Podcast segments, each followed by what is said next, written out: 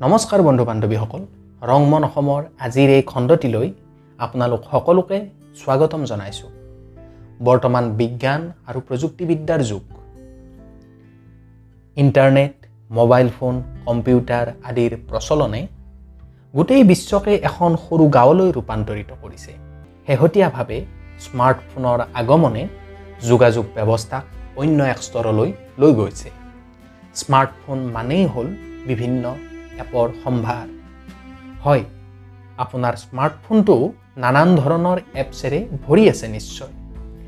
এই এপছবোৰৰ ভিতৰৰে আমাৰ সকলোৰে চিনাকি অতি আপোন এটা এপ আছে ধৰিব পাৰিছে নিশ্চয়। আমাৰ আটাইৰে চিনাকি এপ হোৱাটছএপৰ বিষয়ে কিছু কথা আজি ক'বলৈ ওলাইছোঁ। গতিকে বন্ধুসকল দেৰি নকৰি আহক আজিৰ এই খণ্ডটো আমি আৰম্ভ কৰোঁ।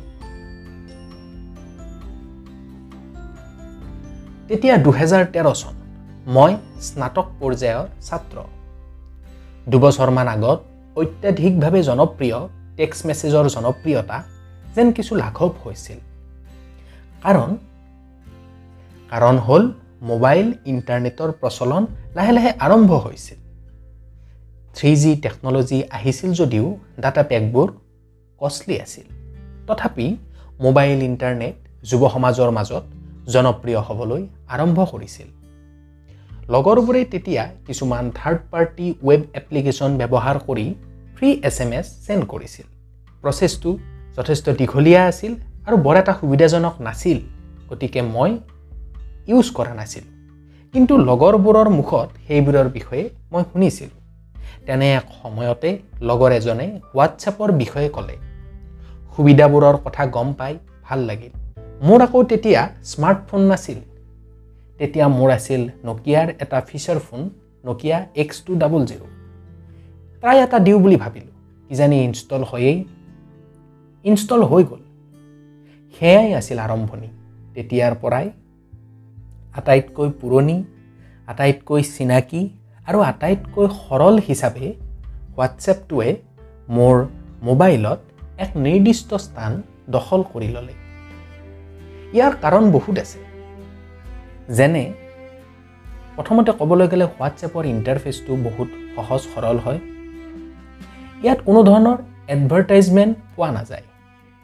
আনহাতে হোৱাটছএপত টেক্সট মেছেজৰ লগতে video' picture document location contacts এই আটাইবোৰ অতি সহজতে চেণ্ড কৰিব পাৰি বা ৰিচিভো কৰিব পাৰি। গ্ৰুপ চাট হ'ল হোৱাটছএপৰ অন্য এক আকৰ্ষণীয় সুবিধা। যাৰ কাৰণে হোৱাটছএপক ফ্ৰেণ্ড অফিচ আৰু ফেমিলিৰ মাজত ইউজ কৰাটো অতিয়েই অত্যাৱশ্যকীয় হৈ পৰিল। ইয়াৰ উপৰিও হোৱাটছএপত ভিডিঅ' কল আৰু ভইচ কলো কৰিব পাৰি। ছ'চিয়েলি কানেক্টেড হৈ থাকিবৰ কাৰণে হোৱাটছএপত ষ্টেটাছ শ্বেয়াৰ কৰিবও পাৰি আৰু বেলেগে শ্বেয়াৰ কৰা ষ্টেটাছ চাবও পাৰি। গতিকে এই আটাইবিলাক সুবিধা থকাৰ কাৰণে হোৱাটছএপটোৱে আমাৰ সৰ্বসাধাৰণ ৰাইজৰ মাজত এক বিশেষ স্থান দখল কৰি লৈছে। গতিকে বন্ধুসকল আহক হোৱাটছএপৰ ইতিহাস সম্পৰ্কেও কিছু কথা আমি আলোচনা কৰোঁ। হোৱাটছএপক দুহেজাৰ ন চনৰ ফেব্ৰুৱাৰী মাহত প্ৰতিষ্ঠা কৰা হৈছিল। প্ৰথমাৱস্থাত ডেভেলপাৰে কিছুমান ক্ৰাইটেৰিয়া ছেট কৰি ইয়াক ডেভেলপ কৰিছিল যেনে প্ৰাইভেচিক সৰ্বপ্ৰথম গুৰুত্ব দিয়া হৈছিল। ইয়াত কোনো ধৰণৰ এডভাৰটাইজমেণ্ট নাথাকিব। আৰু বছৰত এক ডলাৰ মূল্য লোৱা হ'ব। কিন্তু এই এক ডলাৰ মূল্যটো প্ৰথম বছৰৰ কাৰণে বিনামূলীয়া আছিল। ই যি কি নহওক দুহেজাৰ চৈধ্য চনত ঊনৈছ বিলিয়ন ডলাৰত হোৱাটছএপক ফেচবুকে কিনি ল'লে আৰু ইয়াৰ পৰাই হোৱাটছএপ আৰু ফেচবুকৰ বিলয় হ'ল।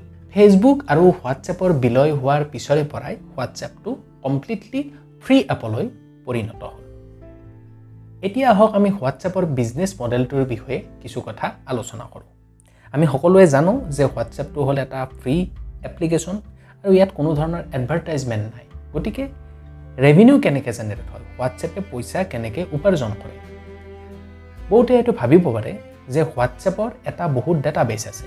গতিকে ফেচবুকে হোৱাটছএপৰ এই ডাটাবেছটো ব্যৱহাৰ কৰি কাষ্টমাইজ এডভাৰটাইজমেণ্ট শ্ব' কৰে আৰু ইয়াৰ ফলত ফেচবুকৰ অৰ্থাৎ হোৱাটছএপৰ ৰেভিনিউ জেনেৰেট হয়। কিন্তু এই কথাটো প্ৰকৃততে সঁচা কথা নহয়। কাৰণ হোৱাটছএপ হ'ল এটা মেছেজিং এপ আৰু ইয়াত এন টু এন এনক্ৰিপশ্যন কৰি থোৱা আছে। গতিকে ফেচবুকে হোৱাটছএপৰ ডাটা ইউজ কৰিব নোৱাৰে। গতিকে হোৱাটছএপে ৰেভিনিউ জেনেৰেট কেনেকৈ কৰিব? এতিয়া আহক হোৱাটছএপৰ এটা নতুন সুবিধা হৈছে বিজনেছ একাউণ্ট হোৱাটছএপে সৰু ব্যৱসায়ী আৰু ডাঙৰ ব্যৱসায়ী দুয়োটাকে বিজনেছ একাউণ্টৰ সুবিধা প্ৰদান কৰে। সৰু ব্যৱসায়ীসকলৰ কাৰণে যিটো বিজনেছ একাউণ্টৰ সুবিধা এইটো হ'ল বিনামূলীয়া। কিন্তু ডাঙৰ ব্যৱসায় যেনে আপোনালোকে ধৰি লওক ক'ৰবাত ফ্লাইট বুক কৰিছে নতুবা ইঞ্চুৰেঞ্চৰ পলিচি আপোনালোকে কিনিছে তেতিয়া ইঞ্চুৰেঞ্চৰ কোম্পানীটোৱে নতুবা ফ্লাইট বুকিঙৰ এজেঞ্চিটোৱে আপোনাক কি কৰিব হোৱাটছএপত ইয়াৰ ষ্টেটাছটো ইঞ্চুৰেঞ্চৰ ৰিচিপ্টখনেই হওক নতুবা ফ্লাইটৰ টিকেটখনেই হওক হোৱাটছএপৰ যোগেদি কাষ্টমাইজ মেছেজ চেণ্ড কৰে। গতিকে এই প্ৰচেছটোৰ কাৰণে হোৱাটছএপে সেই কোম্পানীবিলাকৰ পৰা এক বুজন পৰিমাণৰ পইচা লয়। গতিকে এইটো হ'ল হোৱাটছএপৰ এক ধৰণৰ ৰেভিনিউ জেনেৰেশ্যন মডেল ইয়াৰ উপৰিও হোৱাটছএপে নানান ধৰণৰ কোম্পানীবিলাকৰ লগত টাই আপ কৰে। ধৰি লোৱা হওক যে ৰিলায়েন্স জিঅ'ৰ লগতে হোৱাটছএপে টাই আপ কৰিছে আৰু ইয়াৰ কোনোবা এটা প্ৰডাক্ট যদি হোৱাটছএপৰ থ্ৰুদি লোৱা হয় তেতিয়াহ'লে ডিছকাউণ্ট পোৱা যাব। গতিকে এনেকুৱা একোটা ছিটুৱেশ্যনতো কি হ'ব? হোৱাটছএপৰ ৰেভিনিউ জেনেৰেট হ'ব। মই আপোনালোকক এটা হাইপথেটিকেল ছিটুৱেশ্যনৰ কথা ক'লোঁ। লগতে এতিয়া নিউজত আহি আছে যে গুগল পে' ফোনপে' ইত্যাদিৰ দৰে হোৱাটছএপেও নিজৰ পে'মেণ্ট গেটৱে ডেভেলপ কৰি আছে। আৰু যেতিয়া এই পে'মেণ্ট গেটৱেটো সম্পূৰ্ণৰূপে ডেভেলপ হ'ব মাৰ্কেটত আহিব তেতিয়া এই গেটৱেটোৰ জৰিয়তেও হোৱাটছএপে ৰেভিনিউ জেনেৰেট কৰিব পাৰিব। গতিকে মৰমৰ বন্ধু বান্ধৱীসকল আজিৰ এই খণ্ডটোত হোৱাটছএপৰ বিষয়ে আমি কিছু কথা আলোচনা কৰিলোঁ। আশা কৰিছোঁ আপোনালোকে এই খণ্ডটো শুনি ভাল পালে।